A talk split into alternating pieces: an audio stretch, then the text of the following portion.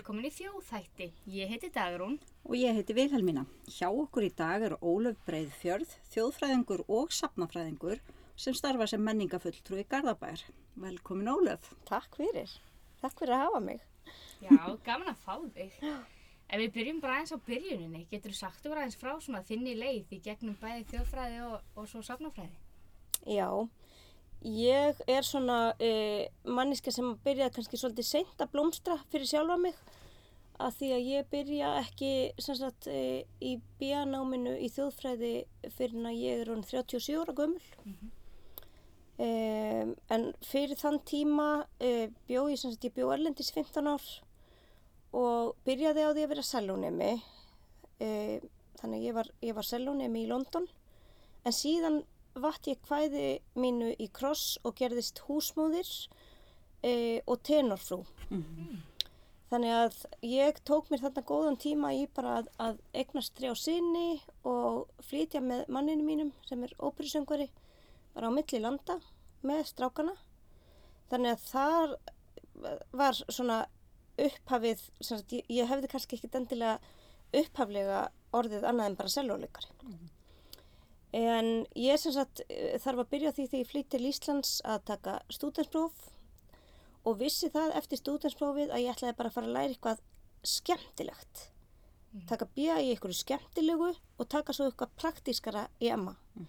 Þannig að það var eiginlega bara það sem að ég, ég horfði alltaf á þjóðminnasafnið og hugsaði þarna myndi ég alveg vilja vinna og svo fór ég auðvitað þanga þegar ég var búin í, í námi. Þannig að ég hugsaði, þetta var ekkert alveg svona þaul hugsað af hverju endilega ég var að fara í þjóðfræði. Ég vissi bara að mér myndi þykja alveg rosalega skemmtilegt. Ég hef alltaf haft mikið áhuga á fólki, hvað fólk er að gera og af hverju er ekki allir eins og annað slíkt.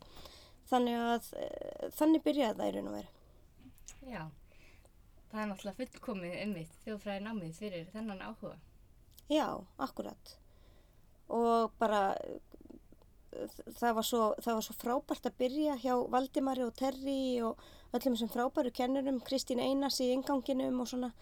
Þannig að þetta, það var svo bara stóð virkilega hérna undir vendingum að byrja í háskólinámi á, á, hérna, á þann hátt. Þó ég vissi ekkit endilega hvert að myndi síðan leiða mig í raun og veru. Mm -hmm. En svo í hérna, náminu þá byggjur þú svolítið á þínum bakgrunnu úr tónlist og að vera tenorfrú eins og þú segir. Já, sko ég hefði aldrei látið mig dætt í hug að stinga upp á þessu reitgerðarefni sjálf mm -hmm. sem að er sem sagt, ég var að, ég tók viðtöl við, við nokkra óperusöngvara og, og rannsakaði hjálækningar óperusöngvara og nafnið á reitgerðinni er sem sagt e, með saltvatn og óta í farteskinu.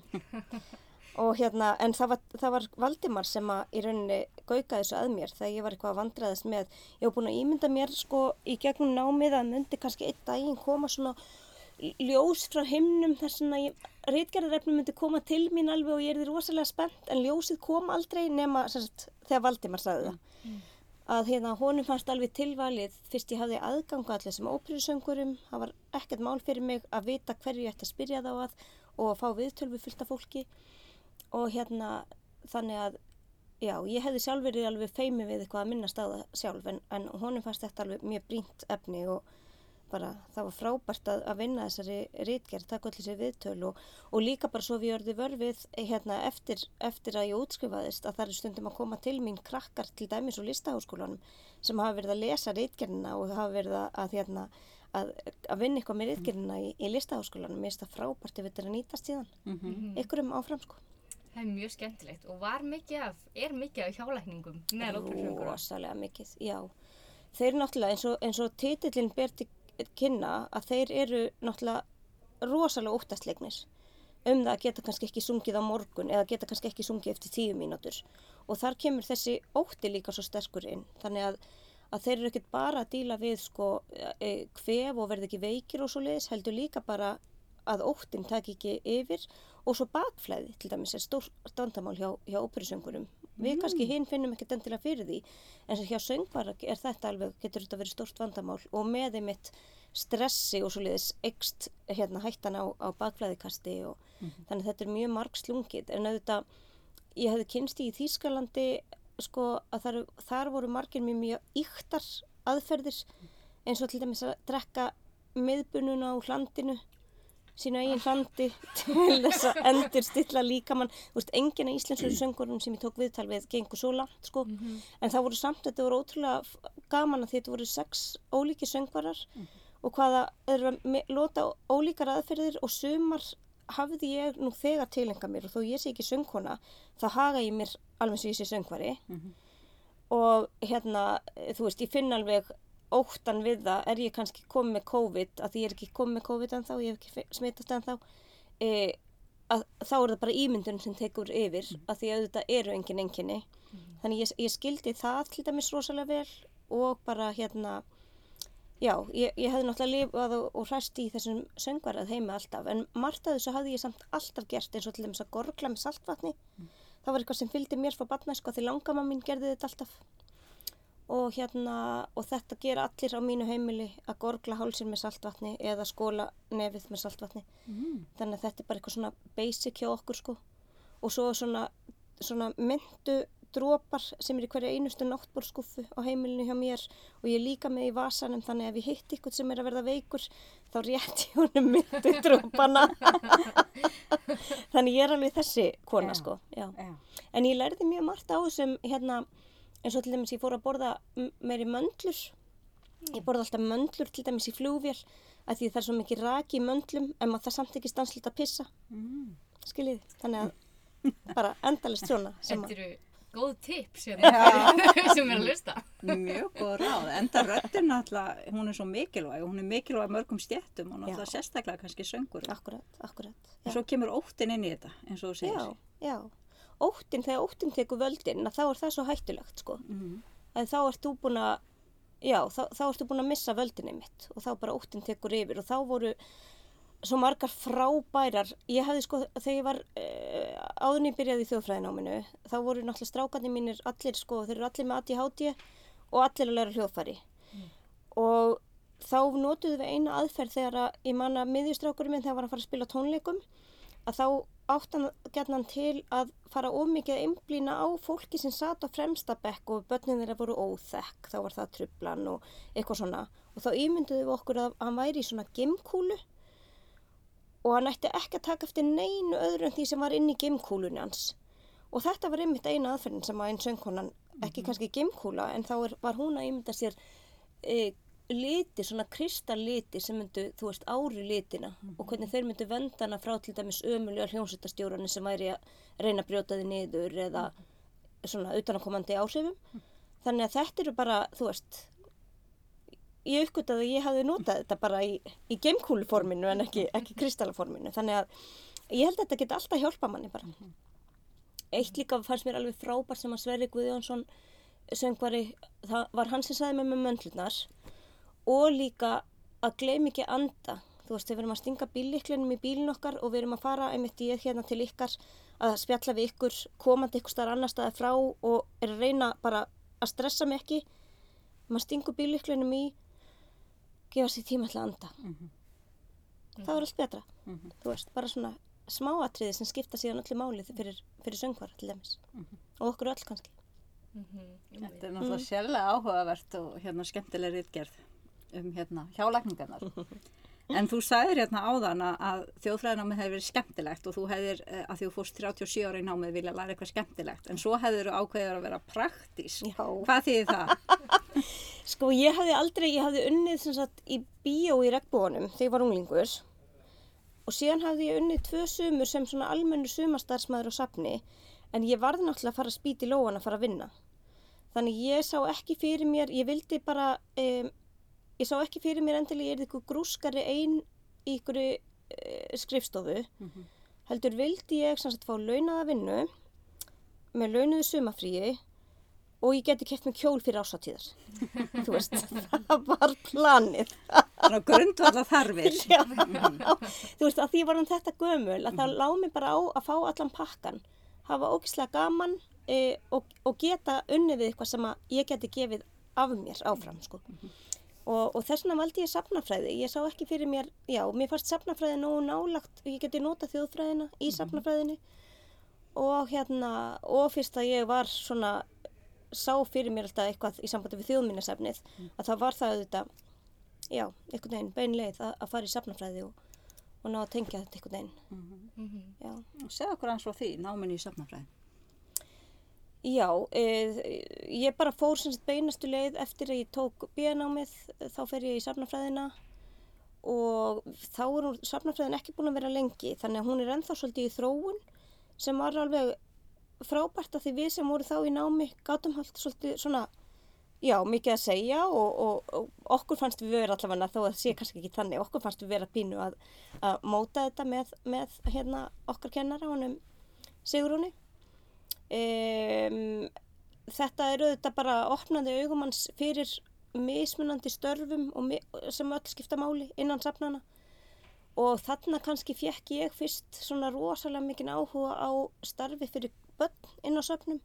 Og það hefur alveg fyllt mér og ég segi alltaf þú veist það að gera eitthvað fyrir börn skólakrakka eða börn með fjölskyldunum sínum það skiptir mestu máli að það ætti að kotta allt annað niður þá væri það ekki sem sagt bara maður mætti ekki skera niður í starfi fyrir, fyrir börn og þá sérstaklega skólabörn vegna þess að það er ekkert alveg sjálfgefið að, að krakkar með fjölskyldunni sinni e, fari á lögadegi eða sunnudegi á sapn, jafnvel þó sé alls konar í bóði á, á söpnum sem eru ókipist fyrir, fyrir börn og, og fjölskyldur að þá er það ekkert sjálfgefið að fólk gerir neitt annað en að fara bara í íkæða sko. Þannig að skólakrakkarnir, þau, hérna maður bara finnur það á hverjum degi þegar það er að koma skólakrakkar, hvort sem það er á tónleika eða, eða í safnaheimsók, hvað, hvað það skiptir gríðarlega miklu máli, hvað maður er að kveika í ykkur sem að kannski bara blossar upp ykkur tíma setna eða þá þau fara heim til sín og segja frá því við kvöldverðaborðið og, og verða strax svona uppnuminn og það er bara ótrúlega hérna, spennandi og gefandi og nöðsynlegt. Og það er kannski það kannski sem skilur finnst mér mest eftir sig í sambandi við safnafræðina og auðvitað bara þetta skilja öll þessi ólíku störf og það er einhvern veginn tengdi ég alltaf við bara, þú veist, óperuhús að því eins og þegar ég byrjaði að vinna í, í þjóðminniasafninu að þá áttaði ég mig strax á því að það skipti öllu máli að skilja alla í þessum öllum ótrúlega ólíku störfum, þú veist, alls konar nördar á alls konar sviðum, maður varð að fatta það, maður gæti ekkert valtað yfir ykkur sem maður var ykkur rosalú grúski og nördavinnu, þú veist, maður varð að reyna allavega að skilja viðkomandi, að reyna að ná sambandi við viðkomandi til þess að ná ykkur út til þess að hann geta miðla til almennings. Þannig að, að mér fannst að vera svona eins og að, að, hérna, að geta tala við sminkuna eða konuna sem var að skúra sviðið í óperuhúsinu, það skipti jafn miklu máli eins og geta tala við hljómsættastjórn. Einmitt. En þú skoðar svo sérstaklega eitt þessara starfa í rannsókn sem þú gerir í safnafræði það ekki að vera síningarstjóri eða höfundur. já, akkurat. Og ég hefði alveg viljað kannski fara bara, fara dýbra alveg í það, en, en svona í svona rítgerð þá náttúrulega kemst maður kannski ekki yfir, nefnum kannski rétt undir efsta yfirborðið, en þarna var ég eitthvað aðeins að pæla í því hverju munurinn á, á síningarstjóra eða síningahöfundi á, á, á minjasafni eða á listasafni hvað það er ólíkt og hvað er líkt með því. Og það er svolítið merkilegt alltaf í þegar ég var að vinna á þjóðminnasafninu að þá voru, uh, voru þeir sem voru síningastjórar og voru verkefnastjórar yfir, yfir síningunum að koma úr listaheiminum til dæmis. Og það er afturröð þannig núna að, að nýju verkefnastjóri síninga á þjóðminnasafninu er til dæmis úr, úr listaheiminum. Þannig að það er alveg svolítið merkilegt. Mér fannst það gaman að geta einhvern veginn blanda þessu svona að, að hérna og ég veit ekki hvort það er óminnilegt við Ísland ég, hérna en já, mér fannst gaman að pæla í þessu svolítið hvað væri, hversu frjálsir þeir síningastjórnir væru í rauninni Mhm, Mm. Er mjög merkilegt. En þ- einmitt titillin á rítgerðinni er einmitt frjálsi sem fugglin en bundnir í báða skó. Er það þetta sem þú ert að vísa í? Já, já. Þetta frelsi. já að því þú hefur alltaf, ert alltaf þjóna svo rosalega mörgum herrum þannig að þó þú myndir vilja að gera eitthvað alveg crazy og bara eitthvað eftir þínum sem að þú brennur fyrir það verður alltaf að taka tillit til svo rosalega margra þátta þannig að já, það er kannski það sem ég er að vísa í sko Mm. Já, en það er náttúrulega þannig bara með lífið allt. Við erum alltaf að reyna að fljúa rosa mikið en, en þurfum alltaf að, að spila inn á hvað, hvað aðrir að gera í kringum okkur og, og svona. Já, Já. einmitt. Mm. Og það hefur kannski aðeins verið að breytast svona undanfjörnum árum líka bara eins og hlutverk safna einhvern veginn. Já, já, þú veist, þessi, ertu þá að meina þessa kröfu til þess að, að söpfari að, að tala meir um það sem er aktúelt að gerast í dag Já, og til svoleiðis? dæmis, Já, já, akkurat, já. Já, einmitt. Þa, það verður, við erum alltaf að gera tilraunir til þess, þú veist, að, að tala um áföll sem að fólk verður fyrir í dag og annað slíkt, en, en það, það verðist sko bara eins og eftir sunnið að þá hérna var verið að gera tilraun með það að vera að fjallum það á einhverju síningu hérna á þjóðminnarsafninu og það var eins og fólk væri ekki alveg tilbúið til þess strax, þannig þetta er eitthvað sem við þurfum kannski bara að þróa með okkur og þroskast í að geta alltaf tala strax um þau áföll sem við verðum fyrir. Ég held við séum alltaf að verða betri í því og það hjálpa okkur öllum. Einmitt. Mm. En svo eftir útskrift, þá fórstu og starfaðir ímislegt síðan. Já, okkur að ég var svo rosalega heppin að þegar ég var í safnafræðinni að þá sagt, hluti af náminu er að fara í starfsnám í safni og ég sagt sótt um og hafði áhuga á því að fara bara í þjóðminnarsafnið í starfsnám og helst þá í tengslu við síningagerð. Og ég var svo rosalega heppin að lenda hjá Ágústu Kristófisdóttur sem var þá á, í þjóðminnarsafninu og hún eh, svona pindi mig á hverjum degi. Hún let mig hafa alvöru verkefni þannig að ég átti stundum bátt með að sofa fyrir áhyggjum að ég myndi ekki geta hérna klára verkefnin. En hún svona gaf mér bara svona alvöru tækifæri. Um, þú veist kannski að því ég var svo gömul þú veist ég er eldri en hún. En líka bara það að já, hún tristi mér ykkur neginn og ég meina að það er enginn, hefði enginn dáið þó ég hefði klúðrað ykkur sko. Þannig að ég er henni æfinlega þakklátt fyrir það. Ég fekk svona bara, já, að spreita mig almennilega. Og svo einhvern veginn bara liti eitt af öðru að kannski að því að þarna var ég að vinna með fólkinu sem var þá bara, þú veist, ég var hérna einmitt í, í Setbergi hérna við hliðin á, á þjóðminnarsafn og skrifstofunum þar. Og fólk sá alveg hvernig ég vann og gætt treyst mér. Þannig að ég var fenginn til þess að leysa af þegar, þegar kynningastjóri safsins fór í, í fæðingarólof og bara það er náttúrulega því ég á svo auðvilt með að tala við fólk að því ég er náttúrulega tenorfrú að þá átti ég auðvilt með að taka upp tólið og syngja í fjölmila og, og þú veist þannig að það var bara ég var mjög góðri og réttri hilli þar. Þannig að ég var í, í hérna á skemmtilegum tíma líka því þarna var 150 ára ammali tjóðminnisapsins þannig að það var alveg brjálað að gera og rosalegt stuð þannig að þetta var alveg frábær tími. Ég var þar í, í fjögur ár sem sagt. Og hvað stendur upp úr? Er það opnunin? Á nýju Já, safni? já, það var, sko, það var 150 ára amalið, það var náttúrulega æðislegt að því þá, þú veist, það var svo mikil, mikil hátíð.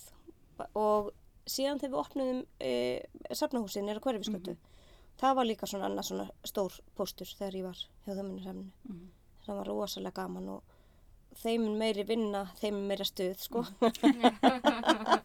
Já, það er þetta náttúrulega mikill lúksus að finna skaman í vinnunni. Já. Mikið lífsgæði í því. Já, það er það alveg. En ég hef alveg mátt passa mig samt á því, sko, að því, þú veist, söngvarar, þeir eru alltaf í vinninni.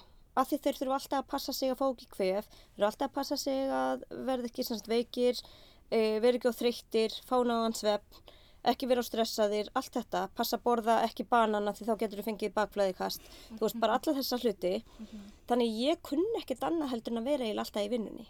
Og ég þurfti svolítið að læra að stramma með aðeins af þar og, ég er ennþá alveg í, í þjálfun í því því að ég áða alveg svona mjög mikið til að, að svara tölvupóstum á tímum sem maður á ekki að svara tölvupóstum á og, og svona en, en það er bara, mér þykir svo rosalega gaman. Þannig ég á alveg erfitt með að hemja mig. En svo leikur leiðin eitthvað annað eftir þjóðminnarsafnið. Já, ég hérna, þú veist, þetta var draumastarfið mitt Mhm. og þetta var draumasamstagsfólkið, þú veist, þetta var æðislegt þessi tími í þjóðminnarsafninu.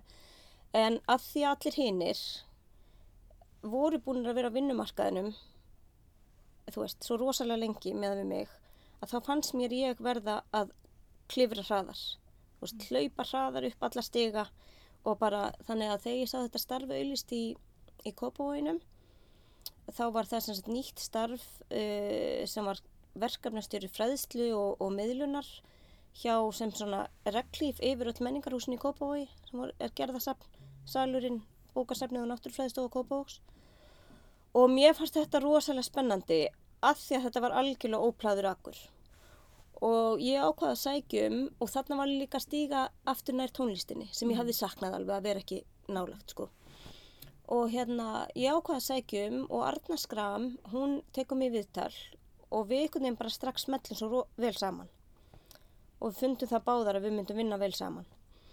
Þannig að já, ég byrjaði þarna og var í fjögur ár í Kópavóinum og í rauninni eh, byggju upp brú á millir þessara menningastofnana og hér að skæla sap Kópavós reynda líka að búa til viðburði bæði fyrir fjölskyldur og, og fullorði fólk og alla sem væru áhugaverðir fyrir nörda og fyrir hina sem eru ekki nördar að því að báðir þurfa eitthvað fyrir sinn snúð Mhm.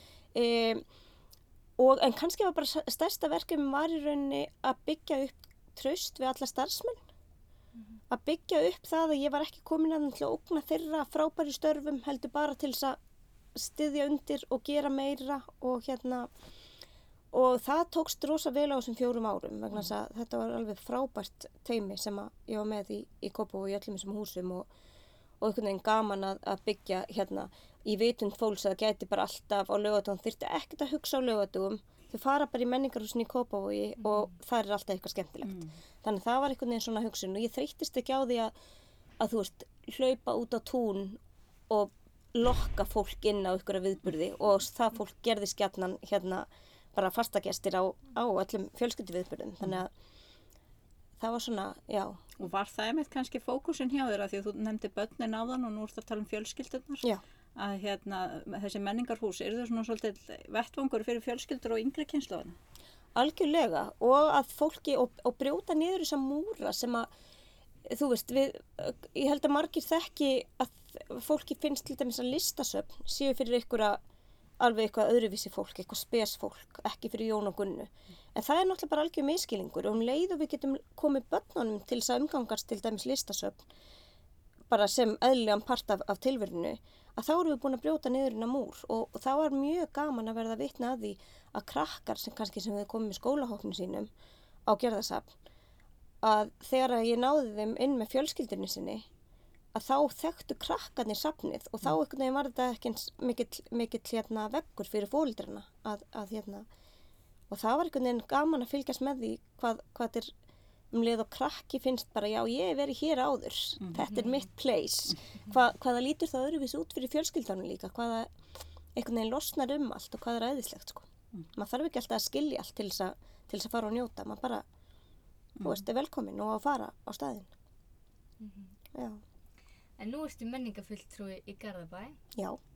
Og getur sagt okkur aðeins frá hvað fælst í því starfi? Já, já, ég er semst menning, fyrsti menningafulltrúi Garðabæjar. Uh, Garðabær gerði, það var gerði eitthvað svona úttökt í Garðabæ hvað helst vantaði upp á uh, starfið hjá innan bæjarskrifstofunum og hva, hverju þyrst að bæta við og þetta var við sniðustáðan að þyrsti sér menningafulltrúa og þá var þetta starfið líst og ég sækjum af því að ég, mér fannst ég vera búin að grafa alla skurðina í Kópói og kannski vera farin að endurtaka mig og mér fannst bara þau getur séð um restin einhvern veginn. En í Garðabæ var, var nóga skurðum að grafa. Og eiginlega algjörlega óplæður akkur að hönnasafn Íslands er náttúrulega staðsett þar. Þannig að það var svona fastinn í þessu. Og hérna bókarsafn Garðabæjar. Og ég vissi að þarna myndi ég starfa en þarna geti ég vikað út svo ótrúlega mikið, það væri svo margir möguleikar. Og starfið mitt uh, var í rauninni bara, það var lagt í mínar hendur hvernig starfið yrði.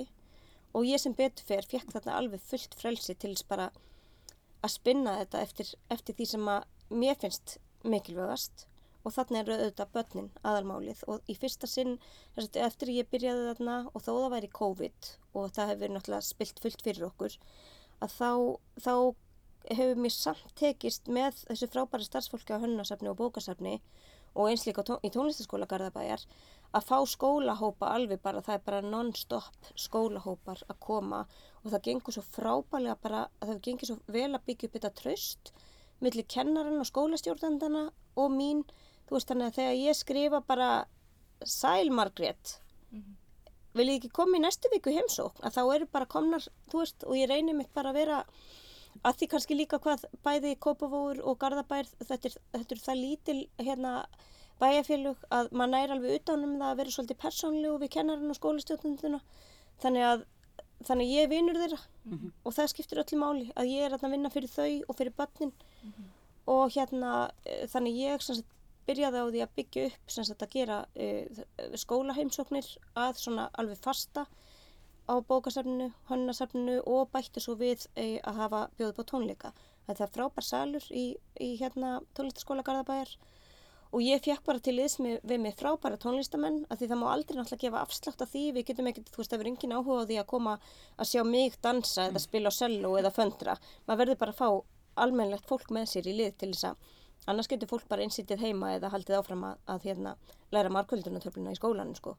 þannig að það verður að vera svona virkilega eitthvað bitastætt til þess að borgi sig að koma, koma á staðin þannig að það hefur verið að bara gengið rosalega vel að vinna þetta með sagt, að byggja upp þessu skóladaskrá það hefur gengið kannski svolítið hægar að byggja upp að fá fjölskyldur til þess að fatta það að þau geti komið á uppkipis viðburði en ég veit bara frá Kópavogi að það þetta byrja bara, þetta er svolítið trekt í byrjun en svo bara byggjum maður upp þennan í rauninni fasta kuna hóp sem kemur síðan á allar smiðjur og allar viðbyrði og bara fýlar það í botn mm. og, og þá ég bara, maður það bara vera þólumóður og ekki gefast upp.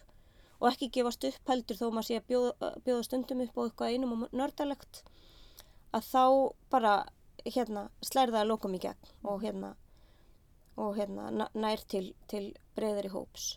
Og svo náttúrulega þegar ég byrjaði í Garðabæ að þá var náttúrulega allt þetta tal um stýttingu vinnuveikunar hérna að eiga sér stað og núna náttúrulega hefur þetta orðið að veruleika hjá flestum að, þetta með stýttingu vinnuveikunar og það þýðir náttúrulega við höfum meiri tíma og ekki við að fara að þrýfa meira heima hjá okkur.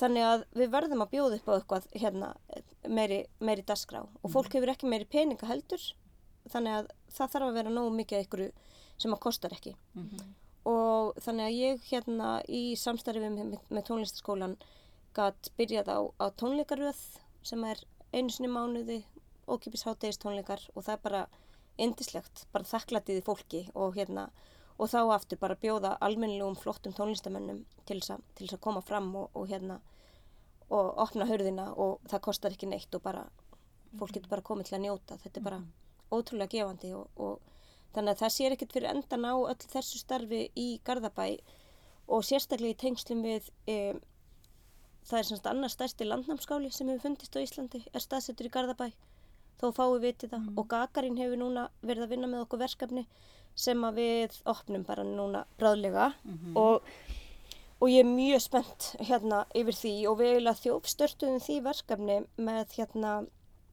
með svona, e, já, fjölskyldustundum sem að bera yfirheitið við langeldin við eldhúsborðið og vísa til þess að við erum að reyna að opna augu batna og fjölskyldina fyrir því hvað er líkt og hvað er ólíkt með e, lífinu á landnámsvöld mm -hmm. og mhm. lífinu í dag. Þú veist, hvað var kósi þá og hvað er kósi núna, þú veist, hvað gerðu þau fyrir framann hérna ædolið í sjónvarpinu, þú veist, hvað gerðu þau í staðin, eh, landnámskálanum, svona einhverjar hérna hugmyndir og þetta getur náttúrulega verið þetta er mjög vítt hérna og þetta hefur verið að byggja upp með alveg frábæri fólki eins og Dagrun og Skjónstúttur það skiptir ósa máli að fá ykkur að hérna, e, já, fá fagfólk til, til liðs við sig mm. þegar það kemur að þessu og hérna og blanda saman einmitt að vinna með þjóðfræðingi og hannuði eða listamanni og svo, svo rítöfundum og hinn og þessu mm. þannig að Þetta, þetta er óendalegi möguleikar og við fengum styrk sagt, frá Batamenningasjóði, mjög riflegan og góðan styrk sem gerði þetta mögulegt sko. Þannig að þetta er eitt af þessum stóru verkefnin sem tengist á þessum landnáms hérna, þessum skála og, og ég hlakka til að vinna bara áfram með það og þegar, þegar þetta verkefnin frá Gagarin verður komið upp þessi markmælinarsýning það, það verður, gefur þá ennþá, ennþá meiri möguleika sko. Mm. Þannig ég hlakka til þess.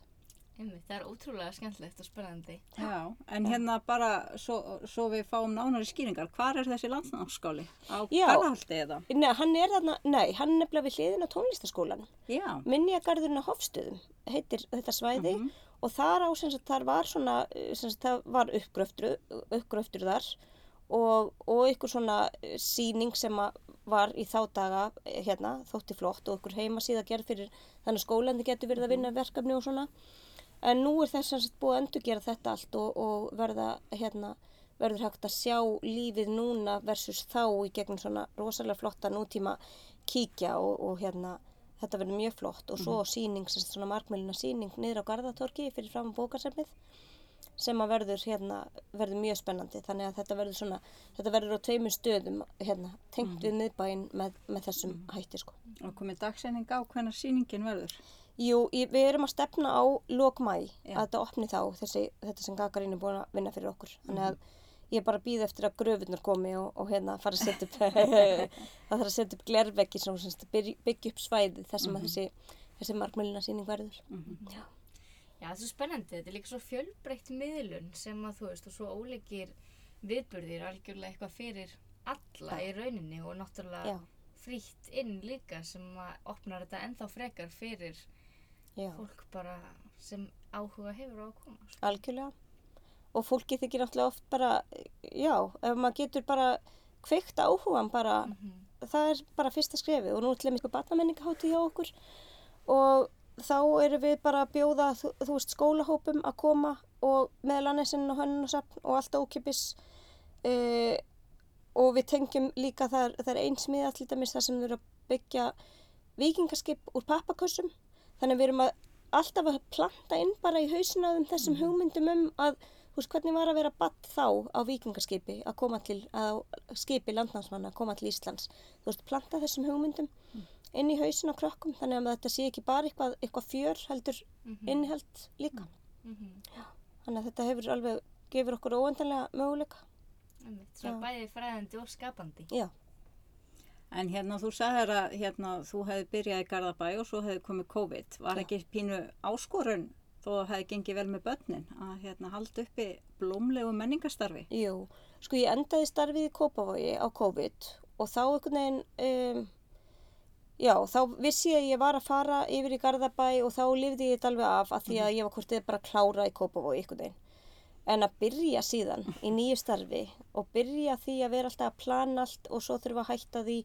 En ég bjóð sem betur fyrir að því að í, í, í Kópavoginum að þá gerðum við svona, tókum við upp alls konar þætti e, í fyrstu bylginu á COVID til þess að taka bara mér varst að bara vera samfélagslega skilda okkar og, og, og þótti það líka í Garðabæ að taka þátt í þessu, þú veist, symfónía var með ykkur beinar útsendingar og hitt og þetta að við þurfum öll að, þurftum öll að leggjast á eitt að hérna að bjóða fólki upp á ykkur að skemmtun sem að heima voru.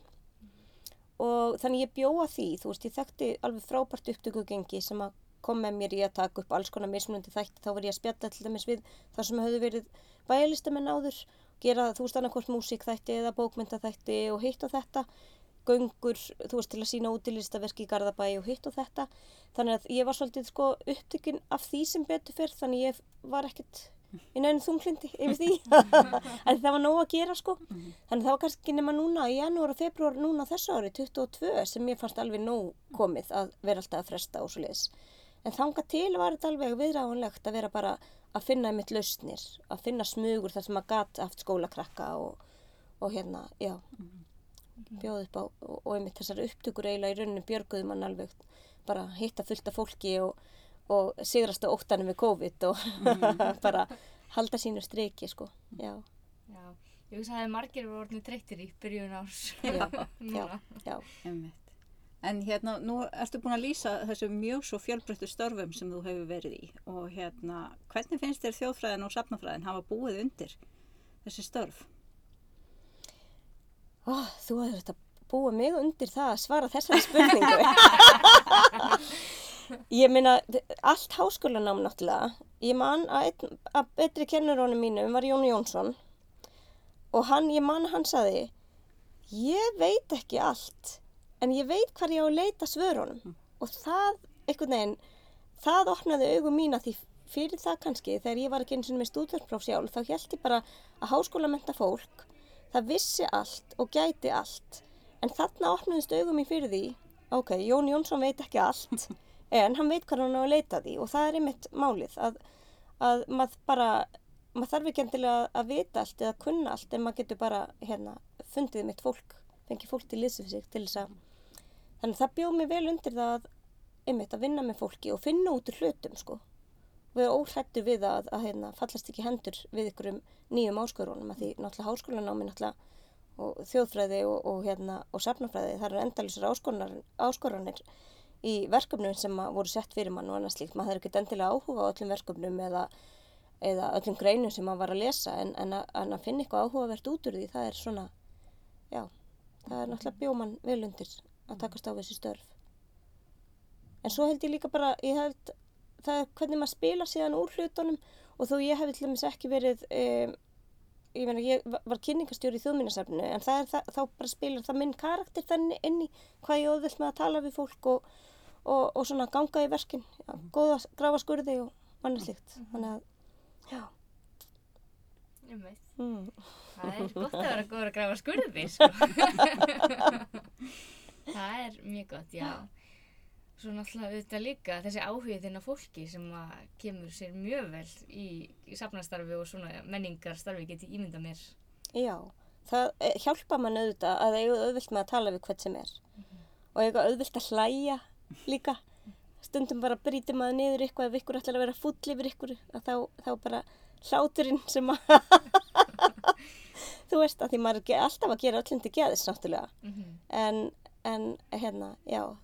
Já, já, ég held bara það hefur alveg hjálpað mér að geta, geta tala við hvert sem er og, og geta gengið óhrætt í verkin og, og, og líka það bara að treysta því að maður klári verkefnin.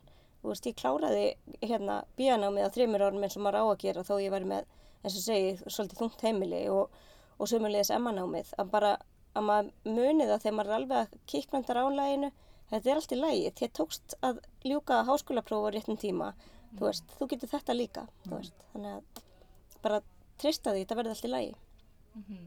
og það er náttúrulega bara, já verð ekki óttastlegin, treysta því að maður bara klárið þetta af. Já, Já. Og, og nota hjálækningarnar til að vera ekki óttaslegin. Já, algjörlega. Fóð sér bara möndlur og gorgla og það er allt í lægi Það er mjög gott. Muna anda. og minna anda. Já. Mhm. Þú ert náttúrulega búin að segja okkur aðeins frá svona spennandi verkefnum sem eru framöndan, barnamenningar, háttíðinni og svo þessari nýju síningu. Eru þið með eitthvað fleira í pípunum sem að er... Já, sko, núna náttúrulega í sumar þá er uh, bustabærin Krókur opinn. Við höfum ekki opið þar, hann er semst á Garðaholti, við hliðin á Garðakirkju uh, og hann er ekki opinn yfir vetratíman en það er opið á sumrin og svolítið gaman að við erum í samstarfi við sagt sumarkirkjuna, bæði Garðabær sagt og Hafnarfjörðu saminast um, um starf sagt í, í Garðakirkju á sumrin bara messur á hverjum sunnudegi og svo svona eitthvað fjör í hlöðunni á, á, á króki.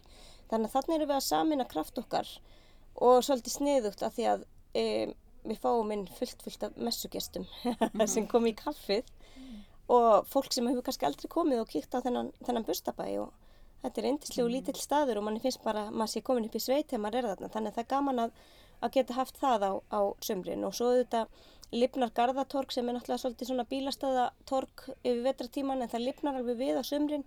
En þá getum við haft viðburði úti bæði fyrir utan hönnasafnið og eins bara út á torginu sjálfu. Og, og það er alltaf gaman að bjóða upp á hitt og þetta og, og þá eins og fyrsta sumari mitt þarna e, að þá var ég að fara út í ísbúð til þess að lokka ykkur að krakka í smiðju sem voru að kaupa sér ís. Skrýtna konan í garðabænum. Þannig að ég bara, ég þreytist ekkert sko á því að, að hérna, að lokka, reyna að lokka fólk og, og ég dáðist nú alveg að því, ég meina við vorum með eina smiðju til dæmis fyrir utan hönnasafnið um sumar og það voru ykkur tveið litla stelpur farin að taka þátt og svo kemur mamma þeirra, hún hefði bara verið að vestla í, í bónus og hún lappa framhjá og þá eru stelpuna byrjaðar að að líma og skera eitthvað pappa og eitthvað svona og hún bara lit fristifuruna bara bráðna og, og tók þátt í smiðinu með þeim þannig að mér finnst það alveg frábæra viðtöku sem að garbaðingar hafa, hafa sínt þessu mm. Algjörlega. og bara, ég held við séum öll heiminn lifandi að sumarið sé að koma. Já. Já, nú er það að koma ekkert COVID og bara hérna, sól Já. Spáum því hér með. Já, Mhm. Þá bara þakkum við þér kærlega fyrir komuna, Ólfi. Þetta er bara mjög áhugavert að heyra, gaman að heyra um þessi ólíku störf og, og hvernig þetta hefur allt. Og alltaf þessi starfsorku og starfsgleði. Já, Já, Já. hérna, innblástandi. Já, það er bara, þetta er svo, það er svo óendani möguleikar. Maður þarf bara stundum aðeins að leita að þeim og ekki gefast upp. Ég held það sé aðalmálið. Ég var alltaf heim í lifandin daginn þegar ég held að enginn myndi koma á smiði þar sem þau voru að læra að, að vinna ull sem sagt spinnana og, og, og, og, og hvað kallast það? Nei, hvað er með þegar maður er með tvo kampa? já, Kempa, kemba. kempa og spinna Já. og ég hugsaði mér í morgun, það var indislt veður, það var sól Mhm. og ég hefði alveg viljað fara á gönguskíði og ég sagði við manni minn, ó, það kemur örugglega enginn í dag og ég er að sóa deginum og kemur kannski enginn. Svo komið 20 og það voru 20 þvílíkt glaðir einstaklingar Mhm. Og þú veist, við heldum við, við safnafólk megum aldrei gleyma því að þó það komi bara einn sem er rosalega glaður Mhm. með dagskrána sem við bjóðum upp á, þá verður það að duga vegna þess að þessi einn átti það skilið. Mhm. Þannig að hafa það hugvast. Já, ég held að það séu frábær loka orð. Takk hella fyrir komuna, Ólaf. Takk fyrir mig.